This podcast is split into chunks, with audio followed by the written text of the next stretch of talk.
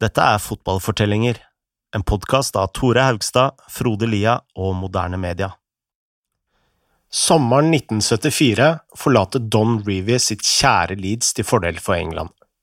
Istedenfor å velge en av hans spillere eller assistenter som ny trener, ansetter Leeds-styret Reevys største rival, nemlig Brian Clough.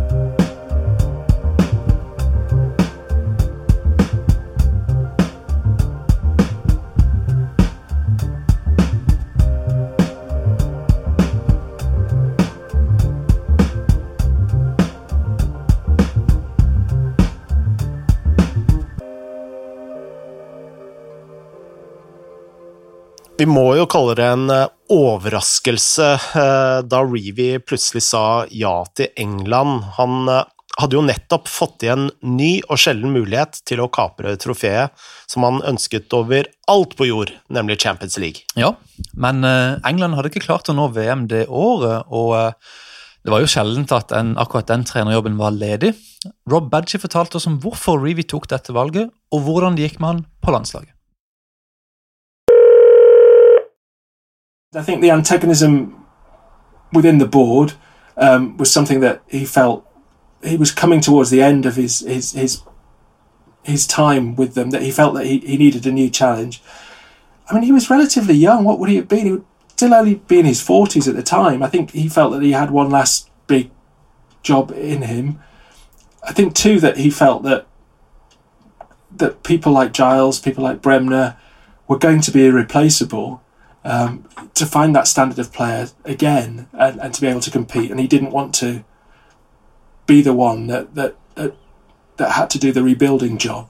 Um, and I think also, you know, the England job was was something that that they found difficult to turn down. I think I, I think most leading managers, most English managers at the time, would have considered it an honour. Um, but of course, he couldn't cope with the he couldn't cope with the two things. He couldn't cope well. He couldn't cope with the board, the the, the management committee.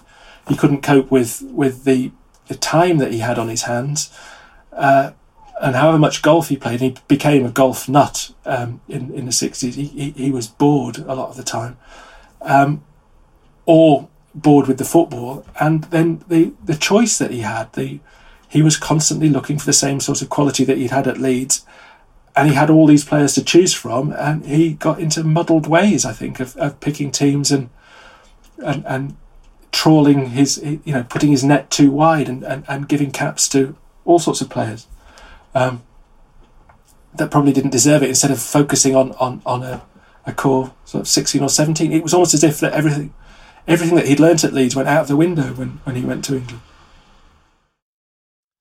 Om eh, Reeves adjø eh, var en trist nyhet for Leeds, så så jo styret sitt snitt til endelig å kunne vise sin makt. Mm. Uh, I flere år hadde det jo i praksis vært uh, som nikkedukker å regne for uh, Reevy, og det er jo i stor grad dette som eh, forklarer eh, hvorfor eh, styret valgte Brian Clough som Reeves erstatter, selv om de hadde vært fiender veldig lenge. Mm. Men uh, dette ble ingen stor suksess for styret. Uh, Clough hadde jo en enorm jobb her. Um, ikke bare med å endre mentaliteten og spillestilen, som var helt annerledes enn den Reevy hadde hatt, men bare det å få stallen på sin side og, og få, få, seg litt venner i klubben, egentlig. Um, vi har jo hørt masse om hvordan Reevy skapte en familieatmosfære i klubben, og da spesielt i stallen. Um, denne gjengen var fortsatt lojale mot Reevy, uh, og de hadde jo hørt Clough kritisere de for å filme og uh, sparke folk i stykker på banen, og han ville rykke de ned til andredivisjon og alt det her. Og nå skulle liksom Clough komme inn og gi disse ordre. Uh, altså Clough måtte være veldig varsom her om han skulle klare å, å få spillerne på sin side. Men det å være varsom var ikke Kloff eh, sin eh, største spesialitet, kanskje? Nei, ingen diplomat. en uke etter at han hadde fått jobben, samla han alle spillerne til et møte. Og eh, der var det jo full slakt foran resten av gruppa. Han uh, fortalte blant annet Norman Hunter at uh, han hadde et rykte som en skitten og stygg spiller, hvorpå Hunter svarte at han couldn't care less, på, på, godt norsk. Mm. Clough anklaga også Peter Lorimer for å være en filmer, og Lorimer reagerte selvsagt heller ikke særlig bra på det. Deretter sa Clough til vingen Eddie Gray, som hadde vært mye skada, at om du hadde vært en veddeløpshest, så hadde du vært skutt for mange år siden. Uh, det var heller ikke en så veldig fin ting å si til din egen spiller. og For å sette toppen på det og Dette er menn, altså dette får Mourinho til å se ut som en uh, bamse. Uh, ja, og For å sette toppen på kransekaka der, så sa Kloff til hele stallen at dere kan kaste medaljene deres rett i søpla, for dere har ikke vunnet noen av dem på fair vis. Og med det så var Kloff sin tale over. Dette hjalp jo ikke Kloff på noe som helst måte. Leeds begynte jo sesongen eh, med å tape Charity Shield mot eh, Liverpool i en kamp hvor eh, Bremner og Kevin Keegan ble utvist for slåssing. Og I ligaen ble resultatene så dårlige at Leeds snart måtte vurdere å sparke Clough. Og sant nok, 44 dager etter ansettelsen med Leeds på 19.-plass fikk Clough sparken etter sparkinga ble Clough av eller Han ble in invitert i et intervju av Yorkshire Television om hva som hadde gått galt på disse 44 dagene. Og uh, av en eller annen grunn så ble også Reevy invitert til intervjuet uten at Clough visste noe om det. Så du kan han tenker at du vandrer inn i et sånn lokalt TV-studio, og så tror du at du skal ha en liten sånn friendly chit-chat med en lokal eh, journalist, og så plutselig vandrer din største rival rett inn og setter seg mm. ved siden av deg. Um, jeg vet ikke om Reevy visste om det sjøl, uh, at, at Clough skulle være der. Nei, han um, visste det. Ja, Reevy visste, visste, det. Ja, Men Clough visste det ikke. Uh, så det var veldig veldig spesielt at altså, to av landets mest profilerte trenere møttes i samme studio, spesielt når en av de akkurat hadde tatt over den andres klubb og, og blitt sparka på den måten. Og selvfølgelig ble jo ikke dette et normalt intervju på noe vis. Uh, I stedet for at journalisten hadde kontrollen, så ble jo dette en diskusjon mellom Review og Clough. og det ga jo mening, altså. De hadde jo snipa og, og krangla via pressen i, i mange år. Nå fikk de endelig en mulighet til å møtes ansikt til ansikt, og det direkte på TV. De to kamphannene snakket om alt fra treningsmetoder til eh, disiplin og eh, taktikk. Her er et lite klipp hvor Reevy og Clough krangler om Leeds sin oppførsel på banen, før Reevy spør Clough hvorfor han tok jobben i in the first place. Ja, for det er jo Altså, han hadde jo Leeds hadde jo akkurat vunnet ligaen. Mm. Hva hadde, uh, hva hadde Clough å vinne på å ta denne jobben? La oss høre hva de to hadde å si. Our record is there to be seen for 11 years. Yes. Right? The first four or five years, I've always said this, we played for results. The last four or five years, we've been the most entertaining side by crowd entertainment and topping charts with national newspapers and television. All, also, Don, the disciplinary chart. The disciplinary chart. You topped that. We topped that once. Well, you topped it for the last two or three years. No, no, no, no, no. That's not. That's not true. Um, it wasn't hundred percent right. I will agree. Sorry? I wasn't 100% right, discipline on yeah. the field, and last year we straightened it out. Well, it was. It was. You were yeah. the top. Yeah, yeah. But when you, you see, Brian, when you talk about coming to take the Leeds job and you had all these things and all these worries about stepping in my shoes and one thing and another. Which I had. Yes, you had. But why? Why did you come from Brighton to Leeds to take it over when you'd criticised them so much and said we should be in the second division for this and we should do this and we should do that? Why do you take the job? No, because I thought it was the best job in the in the country. Of course, it was the best job. I was country. taking over the league champions. Yeah, you were taking over the league champions. You were taking over the best bunch of players that you've ever seen. Well, I, ever, I didn't know about the players, Don. You didn't know? I, I didn't know them intimately like you do. But I know you were the league champions, and I was taking over the league champions. I wanted to have a crack at the European Cup this year. Yes. I think that was near and dear to your heart also. Yeah. Yes. Um, I wanted to win it. I wanted to do something you hadn't done. Now, when I said, I think I said it to Trevor Cherry actually, or mostly the players, he said to me, What can you do that the boss hadn't done? You, the boss, referring to you. And I said, I want to win the league, but I want to win it better. Now, there is no other reply to that question. No, because you had won the league. Yeah, but there's no way you could win it better. Why not? Only, no, no, no, no. But that's the only hope I've got. We'd only, we'd only lost four matches. Then, but that, well, I can only lose three. No, no, no, no. I no. couldn't give any other answer. And I wanted to win the European Cup. I believe that it was just a fraction done. A fraction. I don't know this because I've not spoken to you. But I believe it was a fraction whether you took the England job or had another shot at the European Cup. That is totally true because I was so involved with the players and, and everybody at Elland Good lad. Now I wanted to do that, and I want to do it better than you. Dette skulle bli et av de aller mest berømte klippene fra det som ja, har blitt en av de mest legendariske TV-øyeblikkene i engelsk fotballhistorie. Rob Badgie fortalte oss mer om intervjuets betydning. Yeah, I mean, well, it was a day that, that, that Clough was sacked as, as Leeds manager, and uh, it, it may, it.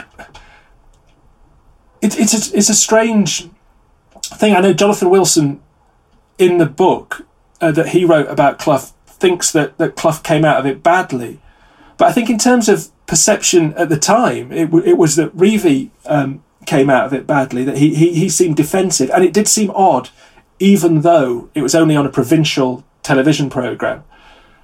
That the England manager would sit there and talk about his predecessor, who'd only been in the job for 44 days and been sacked by his former employers, and would argue the toss on behalf of why he deserved to be sacked, really. It had nothing to do with him whatsoever. I mean, I think Austin Mitchell, the, the journalist who called them in together, um, you know, obviously him and Revie were close, and, and that was, you know, he'd obviously thought it would be a great thing to, you know, great TV to bring them together, and it happened. But I don't think it did Revie any good, really, to, to do it. And it became significant, I think, because it came to symbolise two different approaches to football. That Revie almost allowed himself to be to be characterised by Clough as as anti-football in a way, whereas Clough progr- you know portrayed himself as as as as the progressive one, that as the one that the enlightened one, that there was a better uh, because he did say he says in that interview, doesn't he, that that he wanted to win the European Cup, he wanted to win the league better than than he wanted to do better than Revie had done. And he wanted to do that by playing a different way. And Revie says to him, Well, you couldn't win the league better than me. We only lost four games. And Clough says, Well, maybe I'd only lose three. Maybe I'd only lose two. Um, and there is that, that, that sense of, you know, a real pointlessness about Revie being there, really. You know, it, it, it, it, it added nothing to it. But he felt that he had to defend his club. He felt he had to defend his reputation. Etter sparkinga av Clough ansatte Leeds Jimmy Arnfield for å bygge opp laget igjen. Altså samle, eller, ja, samle sammen Prøve å gjøre noe ut av det her. da. Eh, Reeve fortalte Armfield at alt han trengte å gjøre, var å bare sende spillerne ut på banen, og så ville de fikse resten. Han var overbevist om at dette var de beste spillerne i landet. Og eh, ting ble jo bedre da uten Clough. Armfield styrte de opp til niendeplass i ligaen, som var ja, i hvert fall langt under ned- nedrykk. Men i Champions League så gikk det jo betydelig bedre for eh, Leeds.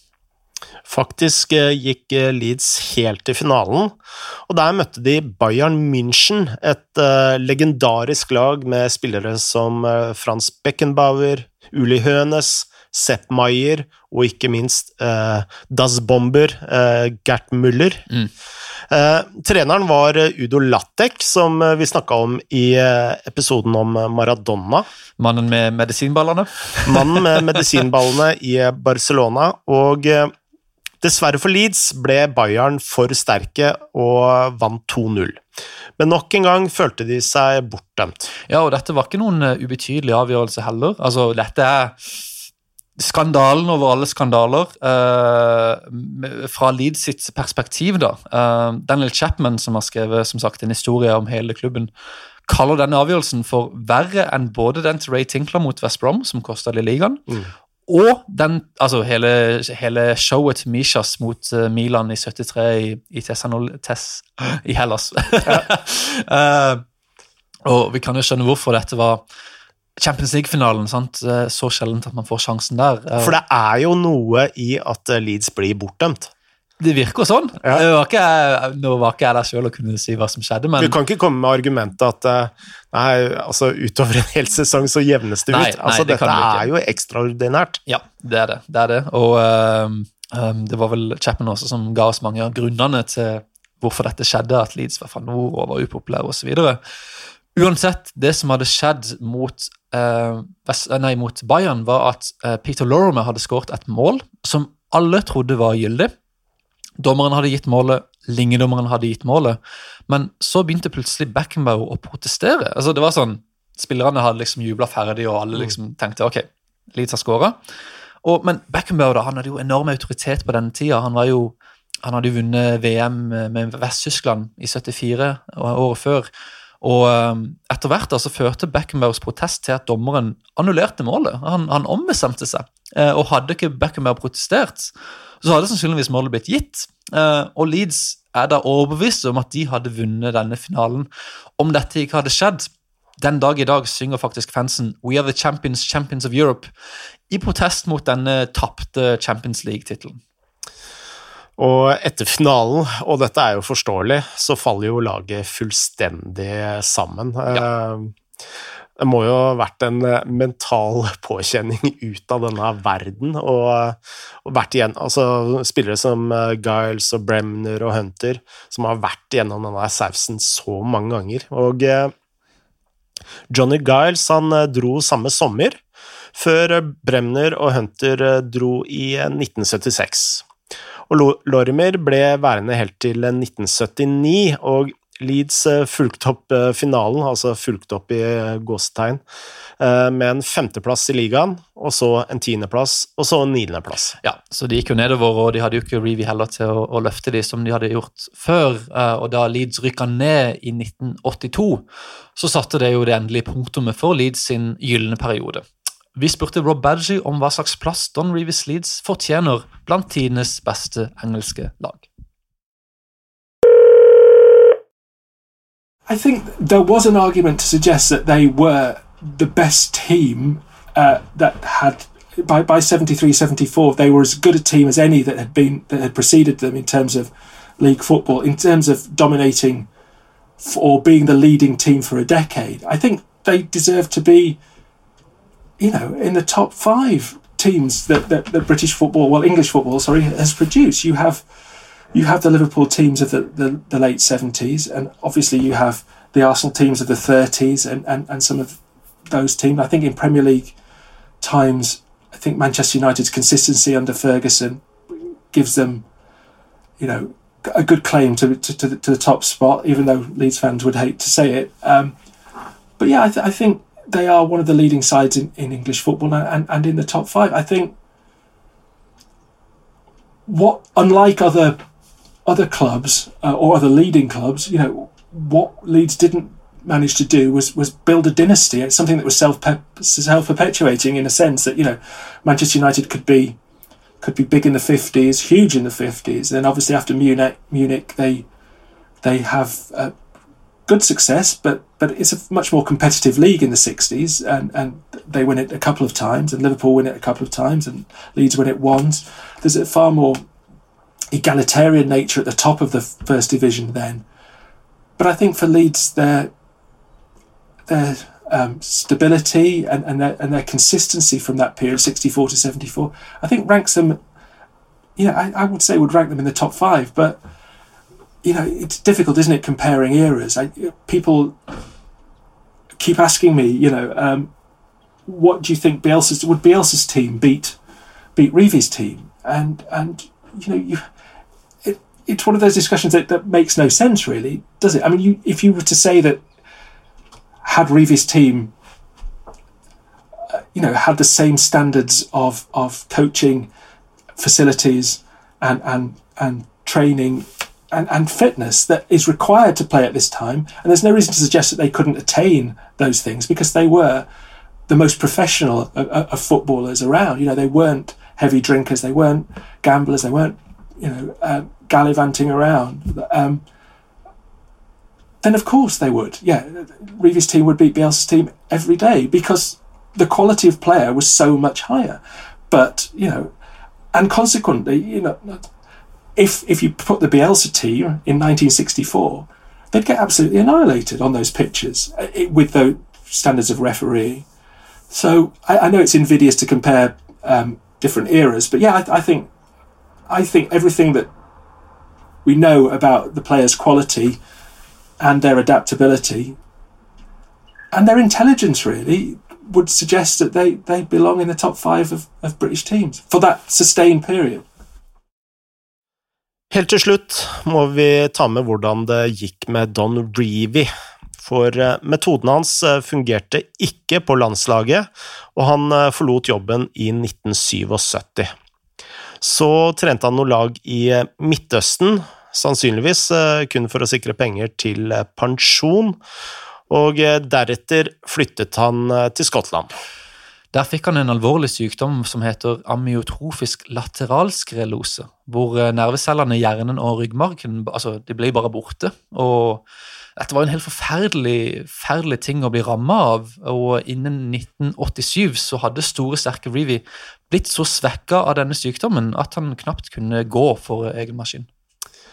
Et eh, år seinere var han tilbake på Ellen Road i eh, forbindelse med en vennskapskamp. Der så han eh, mange av spillerne han hadde trent i glansdagene. Breevy var nå så skrall at han måtte sitte i rullestol, og mindre enn et år senere var han eh, død. Daniel Chapman fortalte oss om Revies siste besøk på Elland Road. It was very poignant and difficult, I think, for everybody who was there. Um, Leeds at the moment in 2021 are dealing with the rugby league player Rob Burrow, who has got motor neuron disease, and um, everybody is shocked by the way that he has declined over the last year, um, but also really admires how brave he's been in in dealing with what has happened to him. And it's one of the things with motor neuron disease is it happens to you. There isn't a cure. Um, there's nothing really you can do um, apart from live your life as best as you can once you start to decline. And Don Revie was still a relatively young man when he was diagnosed with it, and his decline was um, quite rapid and, and quite shocking. And this was the moment when people really realized what was happening to him because he was a very private person and certainly was very private about what was happening to him uh, in his illness. He didn't want people to to see um, what was happening to him.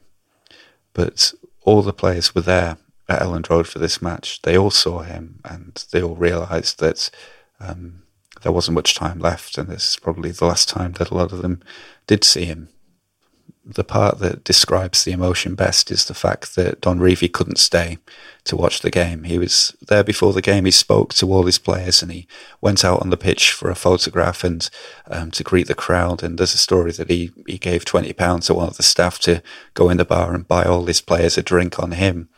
But once the game started, it was too much. He um, the the emotion of the night had, um, had had got to him and he went back to his hotel rather than stay and watch. And that was the last time he was at Elland Road, as far as I'm aware. It was only a, a year before he died. And there's an interesting coincidence of history when you're looking at the way eras move on. But um, Revie died a week before Vinnie Jones signed for Leeds United, which um, really does feel like it draws a line between uh, two generations at Leeds and um, and two eras in the club's history. But he never really got the opportunity in later life to enjoy the retirement that he deserved or the rehabilitation of his reputation that might have uh, changed the way people think about him now because it was still quite recent um, in memory the way his uh, time as England manager had ended, where he hadn't waited to be sacked. He'd left and gone and got a job in the Middle East, um, knowing that he was going to be sacked. And the scandal about that really uh, clouded his reputation after that, certainly throughout the 1980s. And when he died, um, nobody from the Football Association or the Football League uh, attended his funeral. And the, it wasn't a case where there were minutes silences being held at football stadiums around the country. He was essentially ignored by the wider football world, which sums up the Revie era in a lot of ways that he was loved by Leeds United fans, loved by Leeds United players, loved by people who worked with him. Uh, Kevin Keegan is probably the best example of a non-Leeds player who adored Don Revie and would do anything for him. But the football establishment from the day he brought Leeds into the first division in 1964 to the day he died, and even through the time when they gave him the job as England manager and um, and then made his life immediately very difficult, they they never accepted him, and um, and he never got the credit that he deserved for what he did because he did it for a football team that very few people liked. Don Revy ble altså aldri satt pris på av engelsk fotball som helhet. Selv i dag havner han i skyggen av andre giganter som Bill Shankly, Matt Busby og sir Alex Ferguson. Men i byen Leeds er det ingen tvil om hvor mye han har betydd. På Ellen Road vil Don Revy alltid være størst.